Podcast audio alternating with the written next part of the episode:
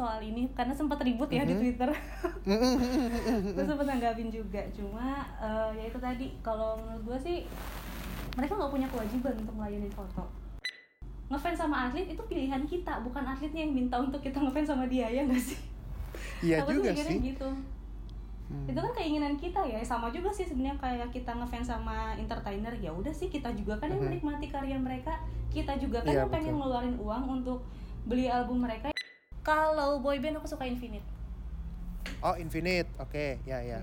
Tahu Infinite? Kalau gue pernah dengar. meskipun harus dengar semua tahu lagunya. Harus dengar lagu. semua lagunya. Keren-keren semua lagunya. ya gue jadi racun ini. Gak apa-apa.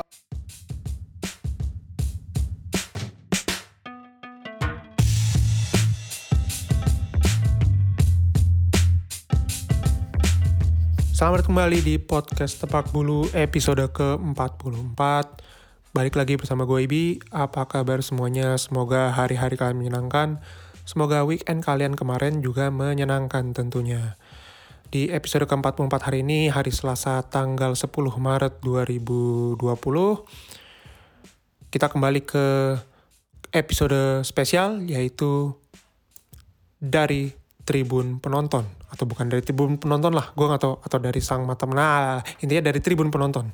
Kok gue sendiri jadi lupa ya eh, segmen khusus episode ini. Em, tapi yang jelas di episode kali ini gue tidak sendirian. Nanti kalian akan ditemani juga oleh salah satu teman ngobrol kita pada hari ini. Kalian juga pasti tahu mungkin beberapa dia ini siapa. Eh, yang jelas kalau kalian belum tahu ini dia yang rajin banget dulu mungkin sekarang dia masih nulis ya ya nulis eh, fanfic versus fanfic soal badminton. Dia ini juga termasuk penggemar beratnya Kevin Sanjaya dan juga Yuki Fukushima dan Sayaka Hirota tentunya. Em, apa ya? Gue sendiri eh, sebenarnya eh, sempat minggu kemarin nanya soal K-pop atau K-drama dan badminton itu ada hubungannya nggak sih gitu. Dan waktu itu banyak dari kalian yang suggest atau bahkan sebenarnya ada yang pernah bilang dia bersedia mau jadi narasumber atau bahkan jadi teman ngobrol di episode podcast Tepak Bulu tapi gue waktu itu pas mau DM kayaknya DM-nya nggak open gitu. Jadi mudah-mudahan kalau kamu dengerin ini ya tolong aja dibuka DM-nya atau enggak eh, mention lagi gitu. Dan mungkin bisa kasih saran mau bahas soal apa gitu. Em, jadi eh, teman ngobrol kita hari ini tuh dia pernah eh, ngebahas soal bukan pernah ngebahas sebetulnya dia pernah meneliti soal eh, behavior atau perilaku eh, fans K-pop yang ada di Indonesia. Dia bilang sini penelitiannya sebenarnya kualitatif bukan kuantitatif, namun dia bisa eh, kayak di obrolan kita ini dia bisa semacam kayak narik kesimpulan maupun kayak em, menghubungkan apa persamaan maupun perbedaan antara fandom K-pop dengan fandom badminton yang ada sekarang di Indonesia ini. Ya udah, nggak usah lama-lama lagi.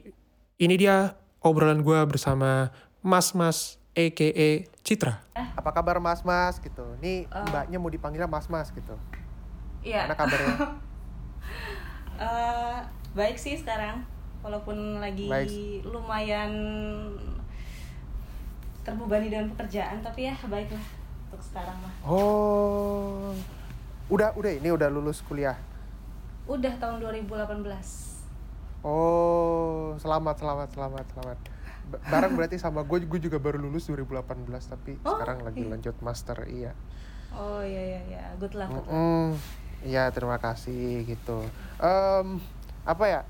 Pertama sebenarnya gini, eh, kan di bio Twitter lu itu namanya Mas Mas, ya kan? Ecitatus gitu. Iya. Nah tapi sebenarnya tuh pertama kali main Twitter tuh kapan sih? Pertama kali main Twitter itu tahun 2010, berarti 10 tahun yang lalu ya? Iya, 10 tahun yang lalu. Buset, udah lama juga berarti ya. Iya, udah sepuh di Twitter ya. iya, udah ada, udah ada yang kotak nih hitungannya kalau di Twitter. Iya. Aso. Dan em, dulu tuh waktu pertama main Twitter tuh udah langsung udah langsung apa ya udah langsung kayak kenal badminton juga di situ kah? Atau mungkin peta- eh, gimana ya gue bilangnya pertama kali lu kenal badminton tuh kapan?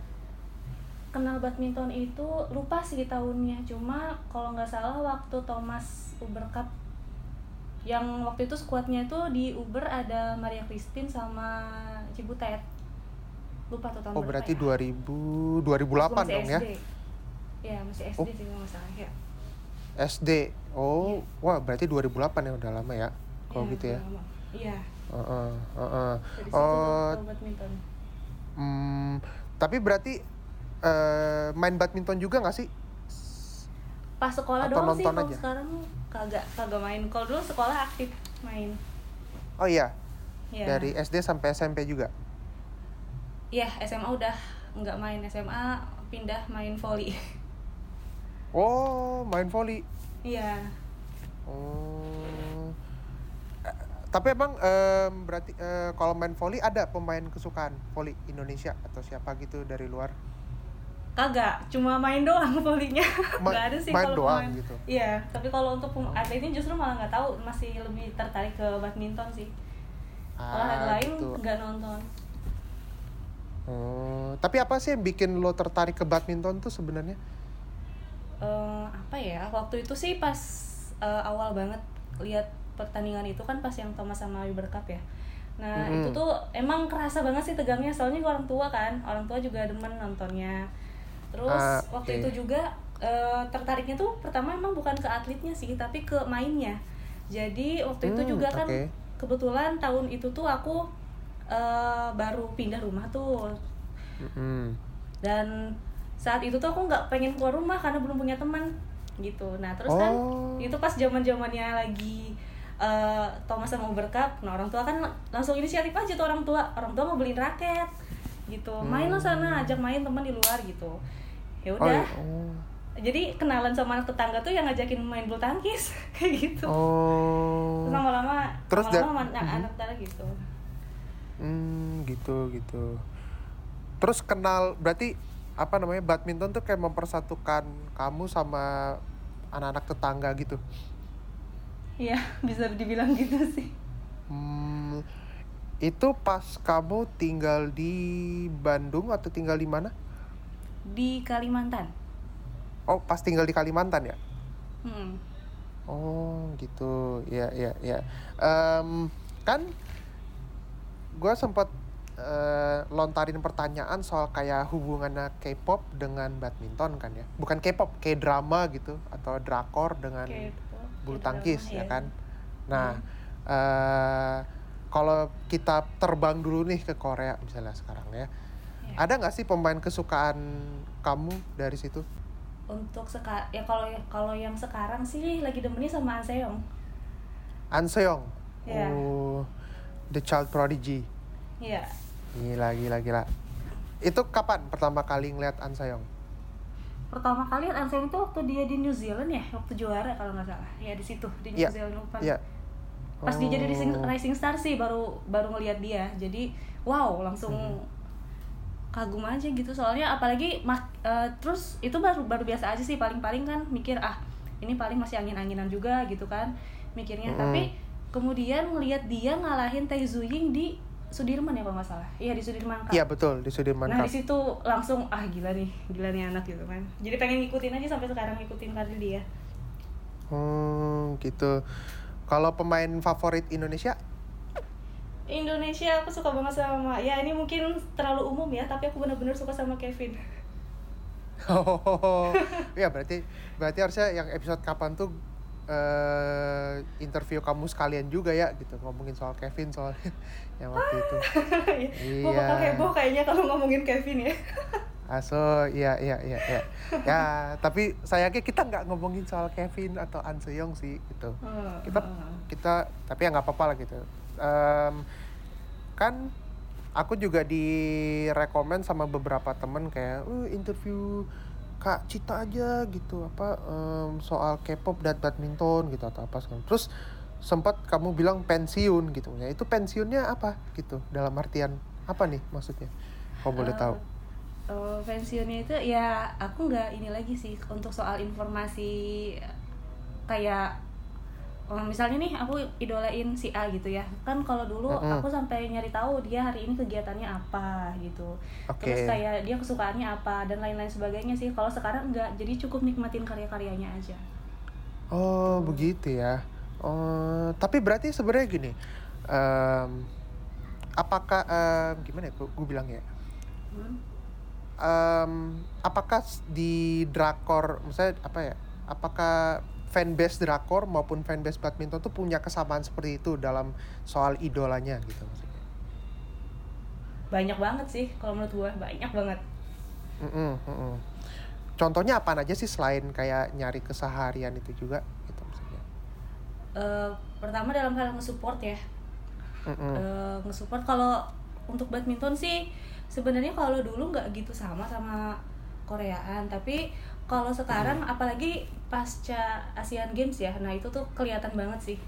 Jadi mulai ada kesamaan gitu antara eh, fans badminton sama fans K-pop. Kenapa aku bilang kayak gitu? Karena kalau Mhm. dulu kalau dulu itu eh, gimana ya kalau kita nonton olahraga ya udah gitu ya nonton doang gitu. Kalau Iya. sekarang tuh kayak eh, hal yang biasanya hanya ada dalam budayanya K-popers itu juga diterapin di eh, BL gitu dunia BL atau badminton Hmm. lovers. Eh, pertama itu Hmm. bikin eh, fanbase kalau dulu kan fanbase itu cuma eh, yang informasi soal olahraganya aja kayak badminton gitu-gitu. Nah, sekarang udah ada lagi yang namanya eh, fanbase confession gitu, manfest, tau nggak? Tahu tahu pernah pernah lihat sih tapi gue nggak follow follow gitu. Iya, manifest kan ada juga manifest kayak gitu. Jadi ya itu fungsi manifest itu kan jadi ngirim pesan secara anonim di DM Twitter, kemudian nanti ke post di tweetnya gitu. Jadi nanya-nanya Yes soal betul. Kayak gitu kan. Nah dulu kan nggak ada tuh yang kayak gitu. Sekarang ada yang namanya badminton manifest. Nah itu kan juga eh, dulu sih pas masih bergelut di Korea Korea, aku pernah jadi admin manifestnya Koreaan gitu, K-pop pernah. Oh gitu. Iya pernah ngadmin di situ. Jadi Oh, Ya, nah itu pertama sih soal eh, fanbase. Kedua itu eh, tahu freebies nggak? apa? Apa namanya? freebies, freebies, Freebies tuh kayak gratisan maksudnya. freebies gimana ya? Eh, freebies tuh kayak souvenir, souvenir. Oh oke souvenir iya ya yang dikasih ke atlet. Dikasih ke ke sesama fans atau ke atletnya langsung. Oh Gitu. Freebies itu. Coba deh Hmm. dijelasin maksudnya gimana sih freebies tuh buat yang belum tahu. Karena gue Oke. juga baru tahu Oh, istilahnya. baru tahu. Coba Oh, coba. baru tahu ya. Oke, kalau Mm-mm. freebies itu eh, aku juga tahunya kan pas masih eh, suka Korea ya.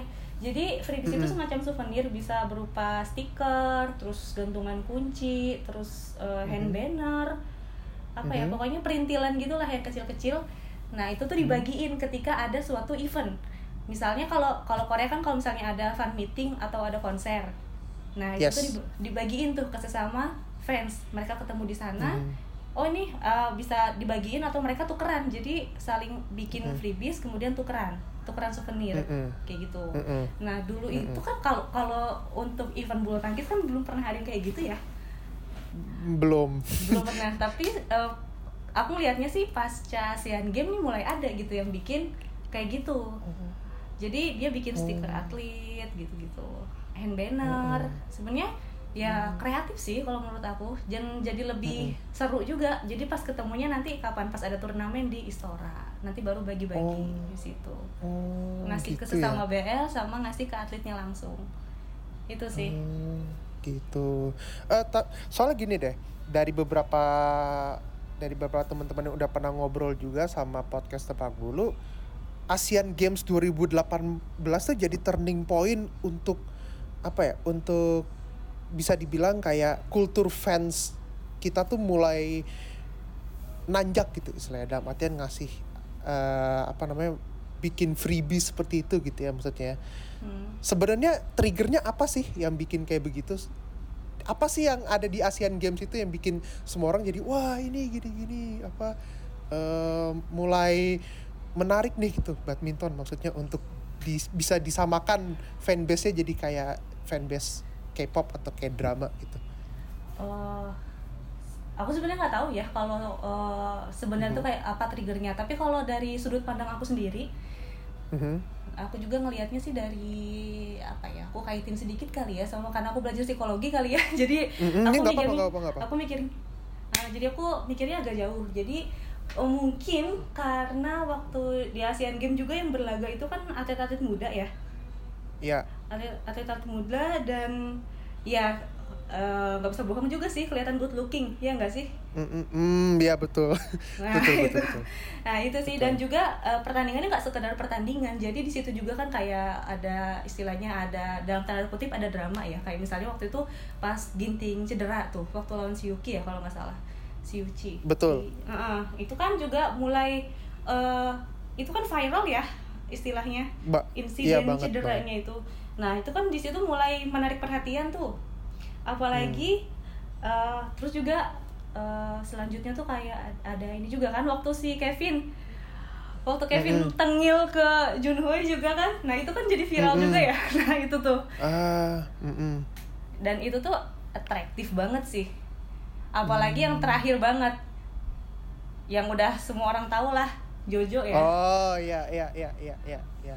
itu fenomenal banget sih jadi emang gak heran sih kalau aku sendiri ngelihatnya apalagi waktu itu kan waktu Asian Games itu aku jujur sebenarnya masih fokus ke Korea sih jadi sekedar Mm-mm. nonton doang Asian Games Mm, mm, dan aku tuh nge-tweet mulai nge-tweet tuh soal badminton mm, mm. mulai nge-tweet aku hype banget kan soal perta- Mhm. pertandingannya. Dan ternyata teman-teman aku yang penyuka Korea yang dulunya nggak ngerti badminton itu antusias banget.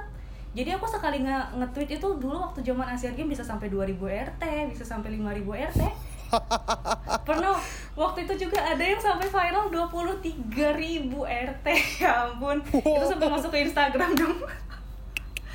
Wah, ya itu gila, gila, antusias banget jadi gitu. K-popers tuh antusias Hmm. juga gitu. Karena ya karena Hmm. itu karena Hmm. momen dan juga ya karena mungkin ada yang ada yang kayak aku ya modelannya gitu jadi pas Mm-mm. nge-hype itu aduh Jojo lu ganteng banget sih gini gini gini gini padahal sebenarnya kan aku juga cuma bercanda gitu ya aku juga ngelihat Iya, gitu iya. permainannya gimana cuma ketika Iya. aku bilang ya ampun keren banget ya ampun buka baju ini ini ini ya jadi jadi ikutan antusias Oh. gitu jadi sebenarnya dari situ sih menurut aku triggernya Oh, gitu ya. Iya. Em, tapi berarti secara nggak langsung gini, eh, gue gue tuh baru nonton kayak drama atau drakor yang bener-bener kayak binge watching itu sebenarnya baru minggu kemarin. Hmm, nonton apa tuh? Eh, Kingdom. Oh, yang Kingdom. season 2-nya minggu depan, Oh iya iya yang zombie itu ya ya. kan? Eh, eh, kemudian gue sekarang lagi di tengah-tengah Crash Landing on You. Kan? iya iya. episode episode 8 sekarang gue nanti mau lanjut paling Heeh. nah gue gue tuh baru eh, apa ya dari yang lu bilang tadi tuh gue baru mengerti eh, apa bahwa ternyata faktor good looking itu ngaruh banget Hmm. untuk menarik eh, seseorang masuk ke dalam dunia itu gitu ya maksudnya nah dulu kan lu tuh kan- dulu kan lu apa eh, pencinta drakor istilahnya ya kan nah Hmm. momen yang momen yang tadi lo sebutin kayak mulai dari ginting itu juga ada nggak sih kesamaannya di drama Korea maksudnya Oh, Mm-mm. maksudnya kayak akhirnya jadi suka gitu gara-gara suatu hal. betul betul heeh. Kalau eh, sebenarnya kan K-pop dengan K-drama itu kan dua hal yang berbeda ya. Kalau aku Iya, dulu, kalau aku dulu sih lebih condongnya ke K-pop. Kalau untuk drama aku cukup selektif sih. Gitu. Mm-mm. Dan aku Hmm. juga kalau nonton drama tuh emang ngebatasin karena apa? Eh, kalau udah nonton nggak bisa berhenti. ah iya betul Iya, kalau udah nonton nggak bisa berhenti. Sedangkan juga waktu aku suka Korea itu aku ngebagi waktu. Jadi tiap minggu juga kan aku nulis tuh. Mm-mm. Dulu dari dulu aku udah suka nulis, nulisnya yang case-case Korea kayak gitu. Jadi kalau Ah, misalnya aku ah. keseringan nonton, tulisan jadi ketinggalan kayak gitu sih. Nah, Ah, tapi sebenarnya gitu. sama aja sih. Kembali lagi ke pertanyaannya tadi. Eh, Mm-mm. Memang pasti ada momen tertentu yang bikin wah udah nih udah pasti nih aku mau suka sama dia gitu kayak ya pertama Mm-mm. kayak kalau dikaitin sama badminton tadi kan gara-gara si Mm. An Seong itu dia ngalahin Tai Ziying di Sudirman Cup nah itu tuh betul Mm-mm. jadi eh, udah fix aku pengen nge-stand dia gitu nah kalau di Korea Hmm. itu pertama kalau K-pop sebenarnya Mhm. bukan hanya karena good looking sih sama kayak badminton bukan karena hanya good looking. Jadi sama eh, fans badminton dengan fans Korea itu ngelihat Mhm. eh, sosok itu tuh nyari sempurna. Kenapa? Karena s- Aha. selain good looking mereka tuh hebat. Sosok itu tuh hebat gitu berbakat. Aha, oke. jadi nggak cuma nggak cuma ngelihat eh, tampangnya doang istilahnya. Tampang itu emang pemanis Mhm. sih bener-bener. Buat first impression Mhm, itu mhm, setuju. ya Eh, selebihnya itu ngelihat kebakat. Kenapa? Fans fans Korea ini bisa sampai Mhm. eh, tergila-gila kayak gitu ya karena Mhm, eh, artis-artis Korea sendiri mereka itu secara effort itu luar biasa mhm. mereka Mhm. itu kan sebelum debut jadi artis ya mereka training dulu dalam waktu yang lama ada yang trainingnya sampai 10 tahun ada yang Ya, training betul. ya bener kan ya nah jadi Mhm, itu sih mhm, jadi mhm. kita ngelihat juga di situ dari usaha mereka dan gimana Mhm. mereka kalau K-pop itu gimana mereka bisa ngedance sambil nari dengan eh ngedance sambil nari sorry So, eh, maksudnya eh, ngedance sambil nyanyi tapi suaranya tetap stabil terus Mhm, juga mhm. lagu lagu-lagunya bagus-bagus dan penampilan Mhm. mereka juga di acara-acara tertentu kayak variety show itu bisa menghibur banget gitu Ya. dan kalau di drama ya itu tadi eh, jalan ceritanya tuh keren-keren anti mainstream kalau drama-drama Mhm. Korea kuliahnya nggak Benar. kayak di ya eh, nggak nggak bandingin sih tapi ya lihat sendiri ya kalau dengan eh, sinetron-sinetron kita yang sekarang itu lain banget gitu kagak ngebandingin tapi ngebandingin sebenarnya ya gitu jadi selain jalan ceritanya anti mainstream juga Mhm.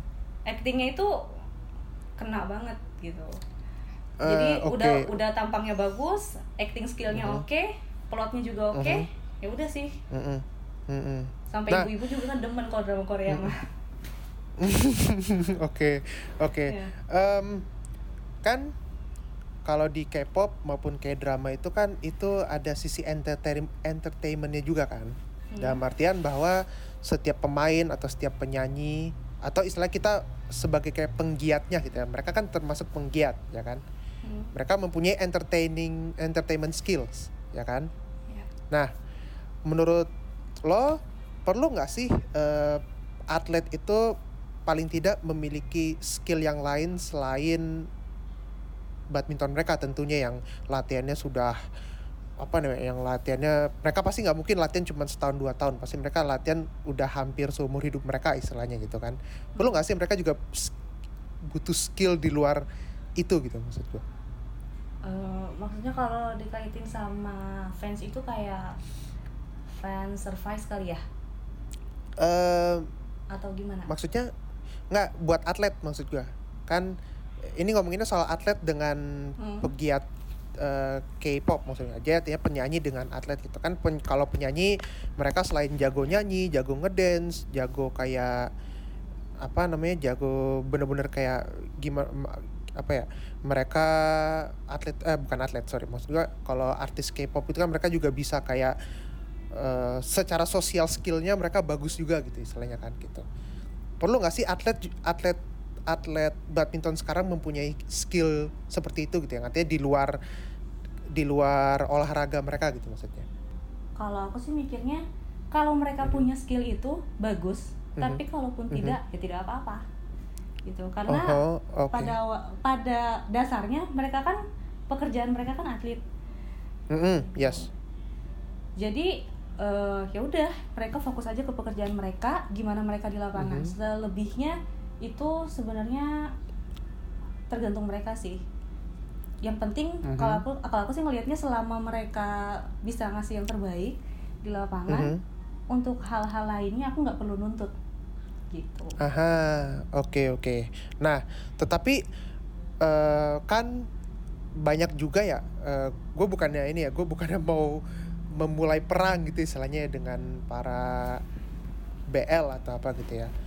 Tapi kan banyak juga Mhm. dari para pen, dari para BL ini yang kadang menuntut lebih gitu dari atletnya kayak misalnya kalau diajak foto harus ladenin atau apa gitu kayak gitu segala macam ya.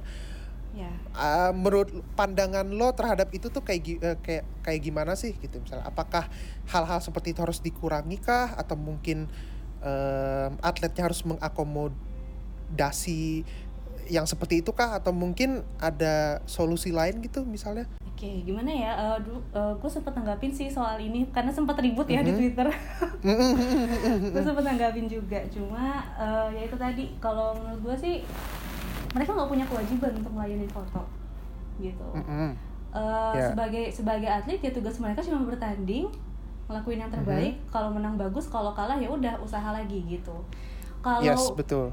Kalau nggak nggak bisa nggak dimintain foto apa nggak mau dimintain foto atau nggak mau minta nggak mm -hmm. mau di apa nggak mau ngasih tanda tangan atau mungkin nggak yeah. mau nerima hadiah itu mm -hmm. terserah mereka bener-bener terserah mereka beda dengan mm -hmm. uh, entertainer ya beda dengan entertainer mm -hmm. kenapa aku bilang beda yes. kalau Uh, sebenarnya kalau ngelihat artis juga sih aku nggak uh, sama aja sih kayak ngelihat atlet mereka juga kalau misalnya mau nolak ya nggak apa-apa juga kalau menurut aku. Yeah, Tapi kalau artis memang sedikit uh, mungkin ada sedi uh, sedikit lebih wajib gitu ya untuk melayani seorang penggemar karena apa?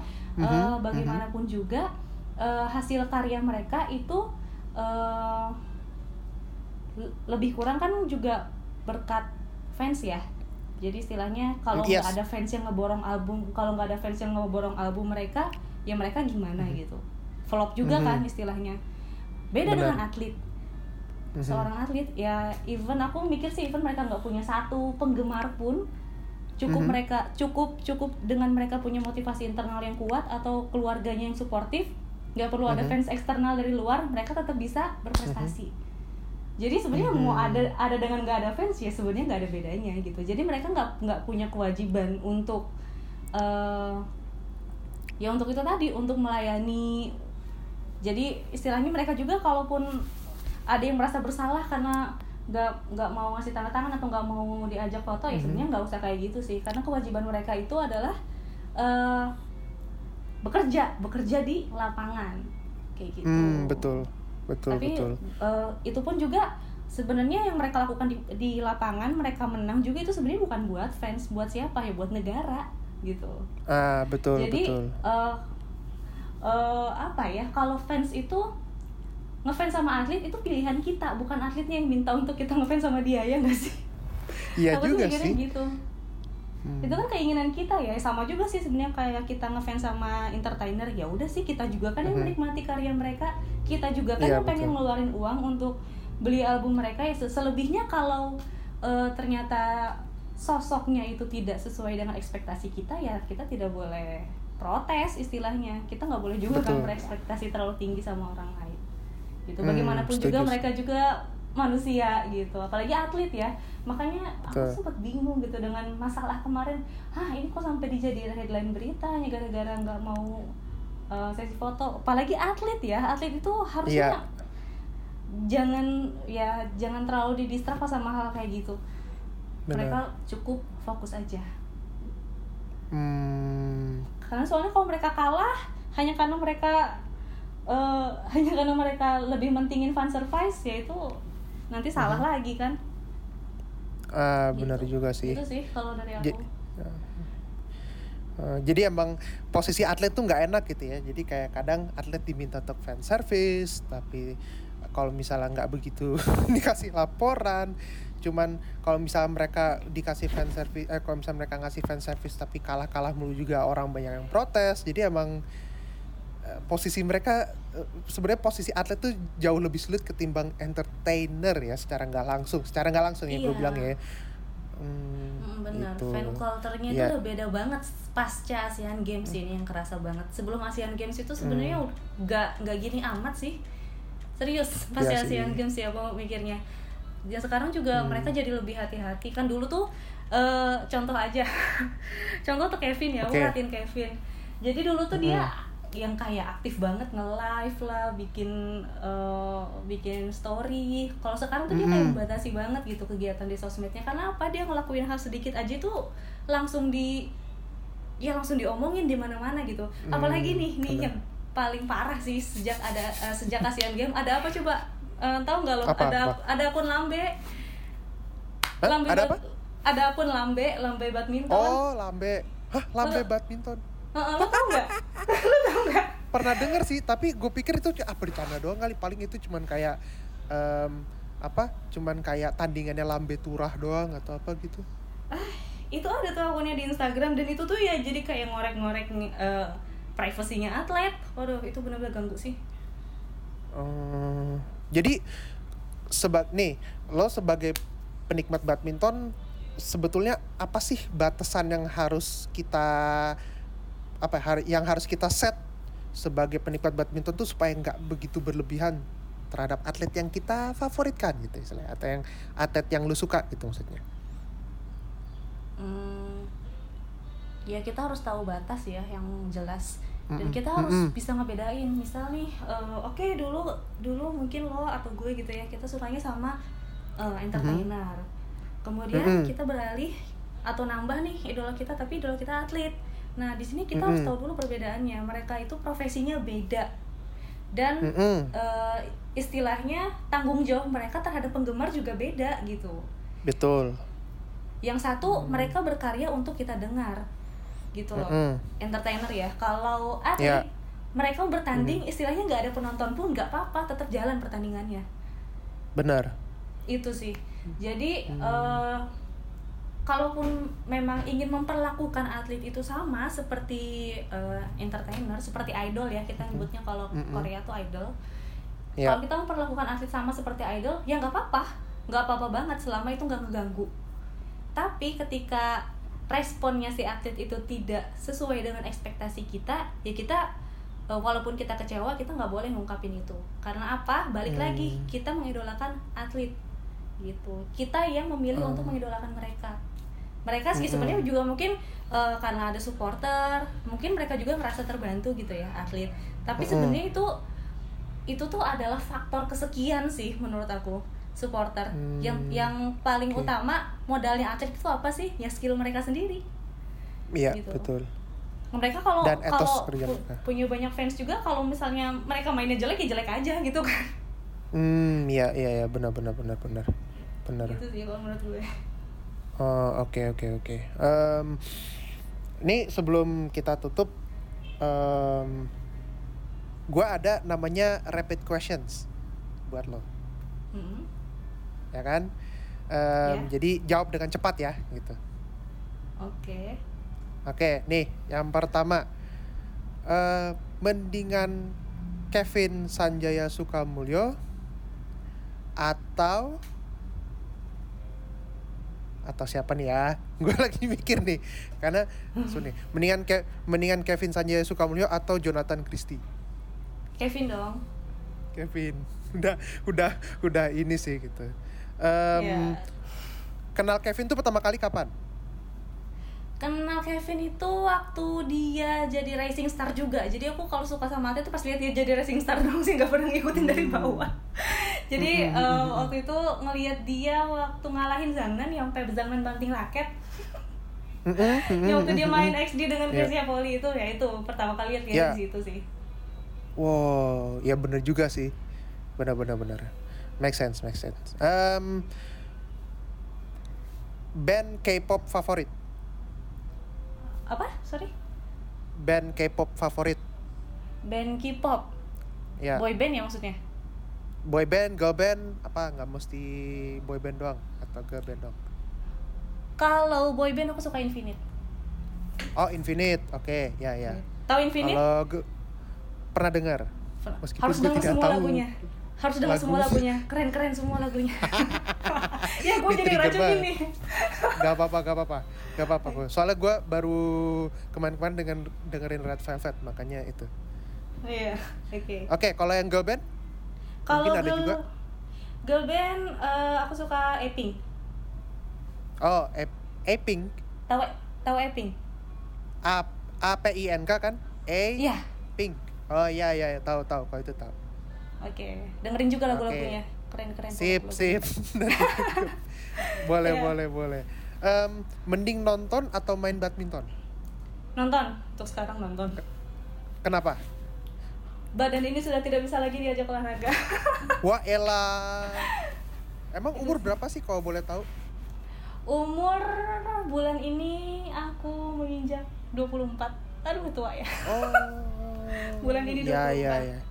Masih ada waktu. Tenang aja kalau mau olahraga mah. masih ada waktu. Hmm. hmm. Nih, Siap. em, nih mungkin agak sulit ya gitu. Karena minggu depan turnamennya. Mendingan Indo Open atau All England? Indo Open. Oh, oke. Kenapa Indo Open? Indo Open itu ada kesan tersendiri ya. Pertama karena Minions itu udah hat trick di situ. Mm-mm. Eh, dan karena dua tahun terakhir ini Indonesia Open selalu berpihak kepada ganda putri favoritku sih. Oh, siapa ganda putri favorit? Yuki Fukushima saya Hirota. Oh, yang yang kamu tulis di Wattpad kamu ya, namanya Versus. Iya betul. Wah, bahas di versus. Nanti nanti kita try, sebelum tutup kita kita bahas dikit soal itu. Apa? Kenapa nggak All England? All England kan udah kayak istilahnya tuh turnamennya bersejarah banget gitu. Hmm. Eh, All England sebenarnya kenapa ya? Eh, karena ya itu sih eh, sebenarnya kesannya subjektif karena aku balik lagi ke idola aku ya yang berlaga di sana. Mm-mm. Eh, waktu itu ya masih masih nggak bisa ngelupain kecewanya, sedihnya waktu Minions kemarin gagal di babak pertama nah itu Oh, sama Waktu wak- ke- Mhm. ya sama juga Sama apa? waktu tahun ya waktu 2018 itu Fukushima dengan Hirota udah sampai final tapi kalah kan sama Yul Pedersen terus iya juga. terus Iya juga, juga. tahun 2019 itu dari babak pertama udah ngeliat sih waktu itu si Hirotanya lagi unwell kan lagi lagi ya lagi nggak sehat sih kelihatan banget jadi pas QF aja udah struggle dan pas semifinal itu kalahnya kalah nyesek sih dari Hmm. Chengia nah itu sih jadi masih nggak bisa ngelupain sih nyeseknya itu Oh, All England makanya pas jadi- ini kan minggu depan udah All England udah deh mau pasrah Betul. aja udah mau kayak gimana juga hasilnya Oh, jadi lebih ke kayak oh gue pilih oh, Indo Open karena gue masuk ke barisan sakit hati di All England gitu ya. iya yes. Em, mending Indonesia jadi tuan rumah Olimpiade atau jadi tuan rumah World Championship? World Championship sih Oh, kenapa kau World, World Championship? Eh, subjektif lagi nih kayaknya jawabannya. Gak apa-apa kakak, ini kan namanya rapid question. Oh Nggak iya, harus objektif, subjektif lagi ya. Nah, eh, World Championship kan itu Fukushima Hirota ada tiga kali ya dapat silver kali aja kalau di Indonesia badai hasilnya nanti bisa dapat emas kali nanti kalau di Indonesia. Oh, oke. Oh, jadi pengen lihat Yuki Fukushima sama Sayaka dapat emas di Indonesia gitu maksudnya ya. Lewat World Hmm, kayak Championship. mereka menang Indonesia Open. Iya di Indonesia Open kan beruntung mulu tuh. Ya kali aja kalau Iya, World betul. Championship juga bisa beruntung. Oh, oke oke oke. Ini yang agak eh, kita water down dikit sekarang. Twitter atau Hmm. Instagram? Twitter, Twitter. Twitter. Itu pasti. Em, lebih bebaskah atau karena emang mungkin Twitter tuh lebih merakyat? Iya, Twitter itu kalau Instagram tuh gimana ya? Karena isinya orang-orang eh, banyakannya dari real life gitu. Jadi kalau mau ngeluh Mhm. tuh nggak enak. kalau mau ngeluh nggak enak. Terus juga Oh. kalau mau nge-hype soal eh, badminton, Mhm. ya itu juga sebenarnya agak gimana ya? Suka dikomentarin gitu. Hmm. Ah, lu mah badminton mulu gitu An- sih. Hmm. Kesannya Kalau di aneh ya mungkin ya kalau Iya, di jadi- Instagram Oh, eh, oh, bukan cuma Instagram sih ya, istilahnya kayak orang di sekitar gitu ya. Ngelihat Mm-mm. kayaknya tuh ngelihat orang apalagi cewek gitu ya suka sama badminton tuh kayak Mhm. suatu hal yang aneh gitu. Karena pernah tuh kalau duduk tuh di McD nonton Mhm. badminton streaming Mhm. eh, aku tuh udah ya yang kayak waktu itu Denmark Open final Mhm. waktu itu Mhm. kan si eh, Pravin sama Melati ya ngelawan Iya. eh, Yul, Yul sama Dongping nah itu tuh iya ya ampun yang tegang banget kan udah Mhm. ya, itu udah nggak bisa kontrol kan jadi udah yang wuh gitu kan gregetan sendiri Iya, di situ iya, iya. ya orang-orang tuh Iya. denger tuh eh, ngedenger tuh Iya. dari meja dari meja sebelah tuh Iya. pada bisik-bisik ah ini cewek kayaknya nonton Mm-mm. Korea gitu dikiranya dikira kira nonton terus orang tuh ada yang sengaja dia geser-geser pengen ngeliat oh nonton badminton buat katanya. Ya ya lah. Eh, padahal itu. padahal lo tau gak sih sebenarnya lebih banyak cewek nonton badminton loh ketimbang cowok. Hmm kan kebanyakan cewek bener-bener. Iya kan gitu. Kalau ngeliat di Twitter atau cewek. bener gitu. Jarang banget ada BL tuh cowok yang terbuka banget atau apa kecuali yang beberapa gitu kayak siapa sih eh, apa banyak lah gitu pokoknya yang Mm-mm. yang kayak gitu Em, ya harusnya sih stigmanya udah nggak aneh ya cewek nonton badminton tuh malah harusnya normal banget gitu iya cewek nonton kan olahraga tuh normal harusnya Iya. Ini orang Ya, eh, gregetan sedikit dikiranya suka Korea lah. Enggak juga gitu malah gue sendiri lebih mikir ini kayak nonton badminton nih gitu karena gue Iya. awam sama Korea jadi gue nggak terlalu ini gitu Emang sih kalau tapi kalau emang sih kalau kalau sekarang mungkin karena udah lama ya suka sama suka Korea. Aku kan Mhm. tujuh delapan tahun delapan tahun suka Korea Korea udah Waduh. udah sepuh banget Korea Korea aja sekarang ya, juga ya, ya, ya. dari ngelihat orangnya aja aku udah tahu oh ini K-popers nih gitu Hmm, udah bisa ngelihat Ud- gitu saya Man- sekarang kan juga kalau suka Korea itu nggak nggak cuma eh, soal nonton karya apa nonton karya-karyanya nikmatin karya-karyanya aja tapi juga udah mulai ke Mhm. tahap imitasi atau identifikasi. Jadi secara style juga udah mulai ngikutin. Eh, kelihatan sih gitu. sekarang. Hmm, make up itu udah kelihatan sih kalau sekarang ya. Kalau dulu kan ya mungkin masih dengerin lagu-lagunya.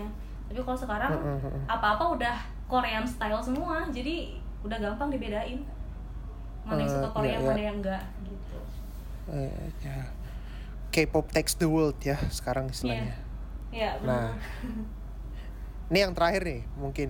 Em, mendingan Wattpad atau ngeblog Wattpad Wattpad.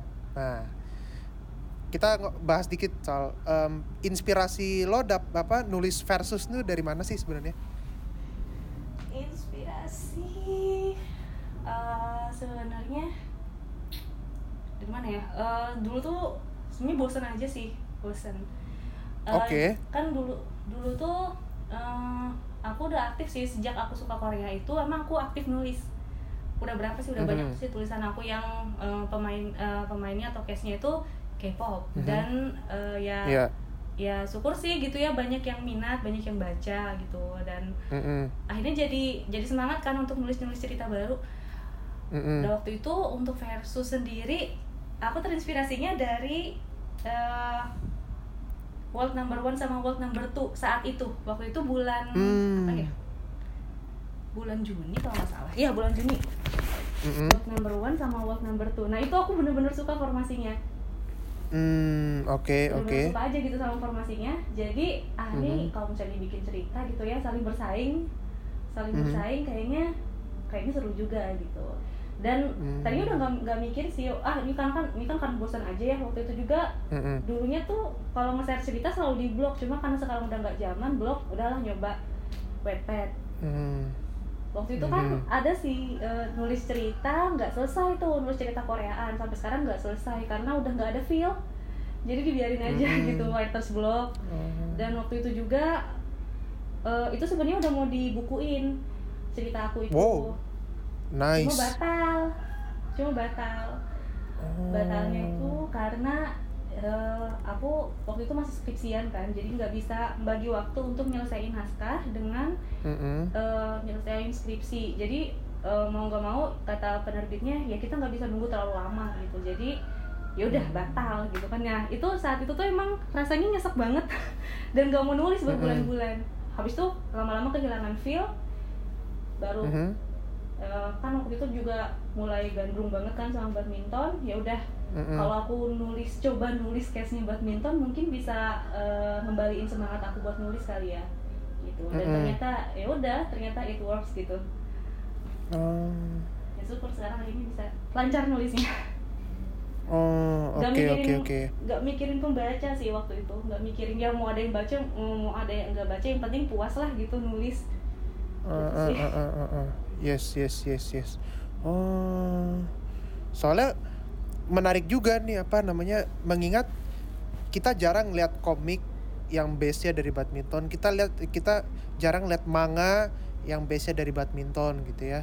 Bahkan kayak ini hitungannya fanfic bukan sih atau kayak bahkan istilahnya cerita di luar fanfic aja juga bahkan jarang banget gitu yang bahasa soal badminton gitu. Dan. Gue ngeliatnya sih menarik aja gitu. Apa ada orang nulis atau bikin karya yang basisnya tuh dari badminton gitu. Um, um, kalau mau follow lo gitu-gitu bisa ke mana aja? Coba. Follow uh, untuk sekarang sih aku aktifnya di Twitter sih. Terus Eh. Wattpad sama kalau. Instagram hmm, kalau Instagram nggak gitu aktif sih tapi ya sometimes online lah di situ untuk melihat so melihat updatean atlet kan atlet sekarang rata-ratanya pada pakai IG ya jarang banget yang pakai Twitter jadi ya mau nggak mau harus buka Instagram lagi. Iya Jadi iya iya iya. sih Instagram?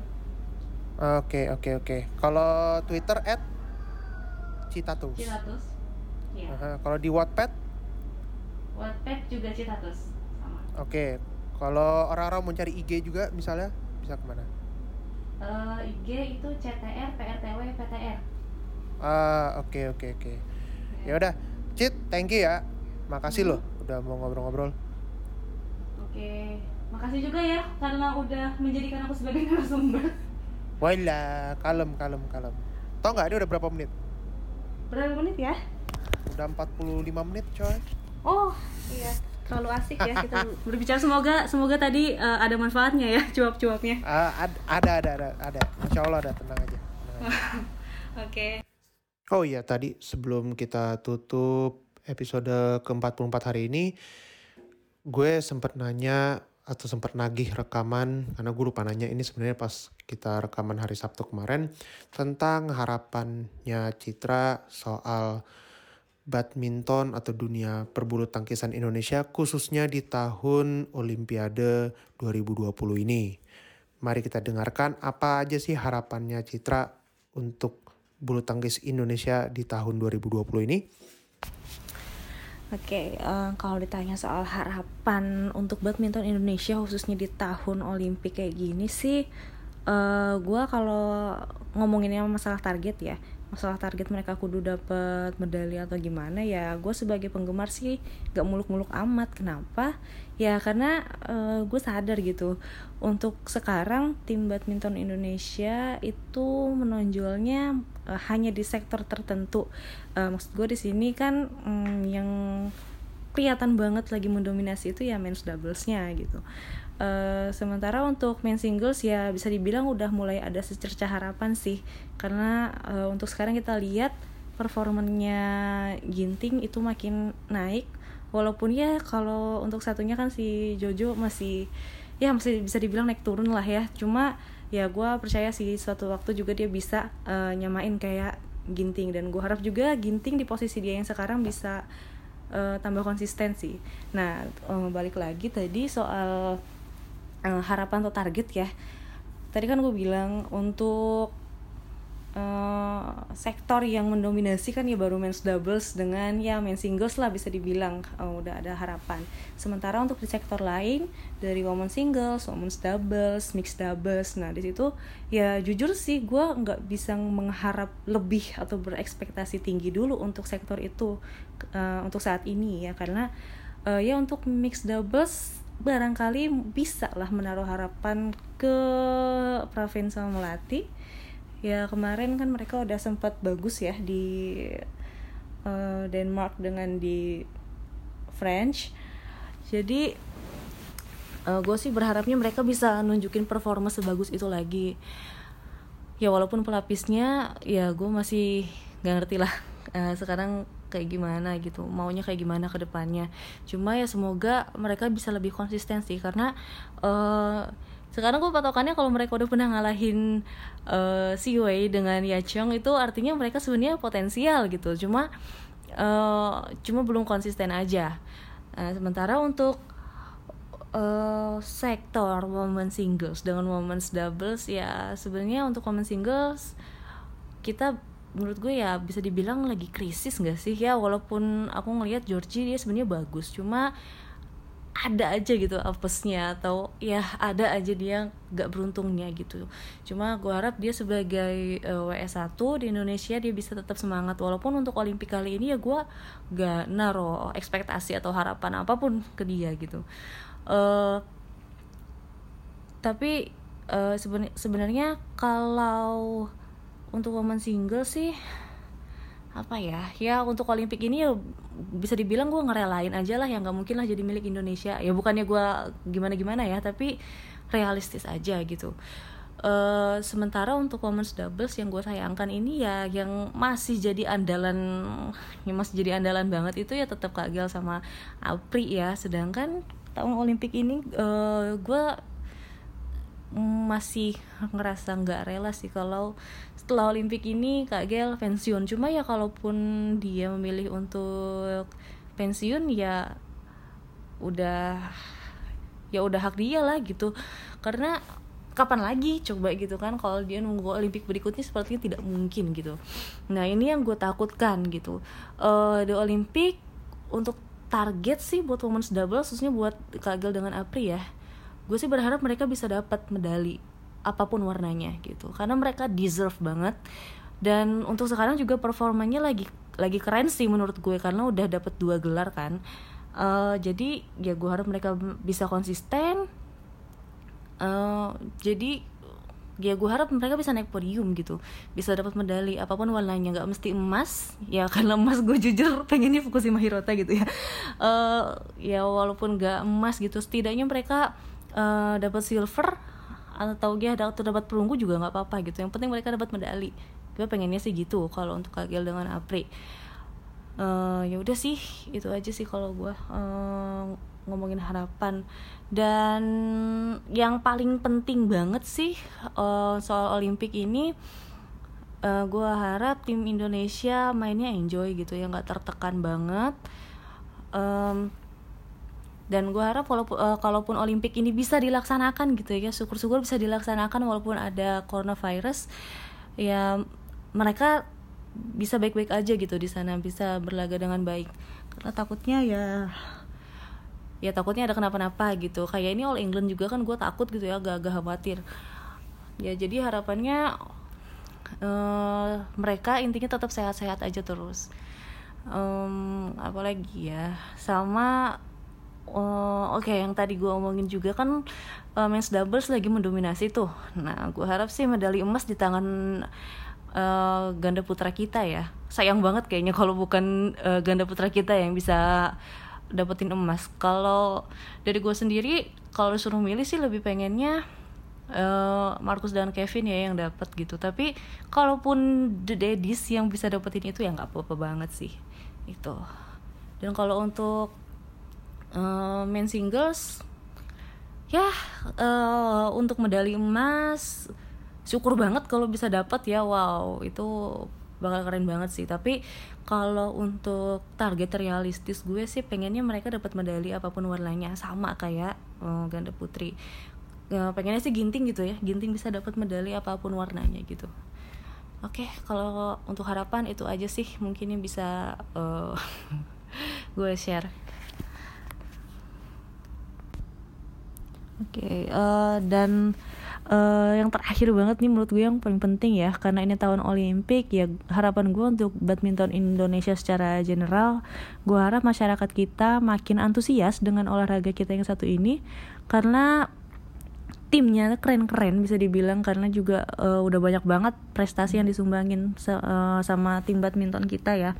Salah satu olahraga andalan lah gitu nah jadi gue harap di tahun Olimpik ini masyarakat lebih melek lagi soal badminton lebih antusias lagi. De, tapi uh, dengan catatan antusiasme mereka itu ke arah yang positif gitu. Jadi uh, jangan sampai udah nge-hype banget udah tahu badminton tapi nanti uh, karena udah ya karena udah antusias justru uh, malah jadi beban ke atletnya. Maksud gue beban di sini adalah ya kayak pasca Asian Games itu antusias makin tinggi tapi kemudian ya arahnya gak melulu positif gitu. Negatifnya jadi makin banyak yang komentarin atlet macem-macem dan kayak gitulah. Nah gue harap um, antusiasme tetap bertambah akan tetapi uh, masyarakat Indonesia yang suka aneh-aneh gitu ya ke atlet itu berkurang gitu. Ya jadi itu sih harapan gue. Dan uh, apa ya ya gue harap setelah Olimpik ini apa pun hasil yang didapetin sama atlet kita uh, dihargain gitu sama masyarakat Indonesia. Apa pun itu walaupun nanti mungkin ah, nggak nggak bisa dapat emas atau nggak bisa dapat medali apa pun warnanya uh, gue harap masyarakat Indonesia tetap menghargai usaha mereka. Gitu sih. Kayak thank you. Terima kasih sudah mendengarkan podcast Tepak Bulu episode ke-44 ini. Terima kasih juga buat Citra yang sudah mau jadi teman ngobrol di episode hari ini. Jangan lupa subscribe, jangan lupa juga bagikan episode ini ke teman-teman kalian. Kalau ada kritik dan saran, podcast Tepak Bulu bisa diraih, kok diraih saya reach atau kayak istilahnya kalian bisa kirimkan kritik dan saran kalian ke email di podcast.tepakbulu@gmail.com. Kalau mau ke Twitter bisa at tepakbulu atau kalau mau ke Instagram juga meskipun gue jarang main di situ di podcast.tepakbulu. Sekali lagi terima kasih sudah mendengarkan mendengarkan podcast hari ini. Mudah-mudahan kita bisa bertemu lagi di uh, episode selanjutnya. Gue Ibi cabut. See ya.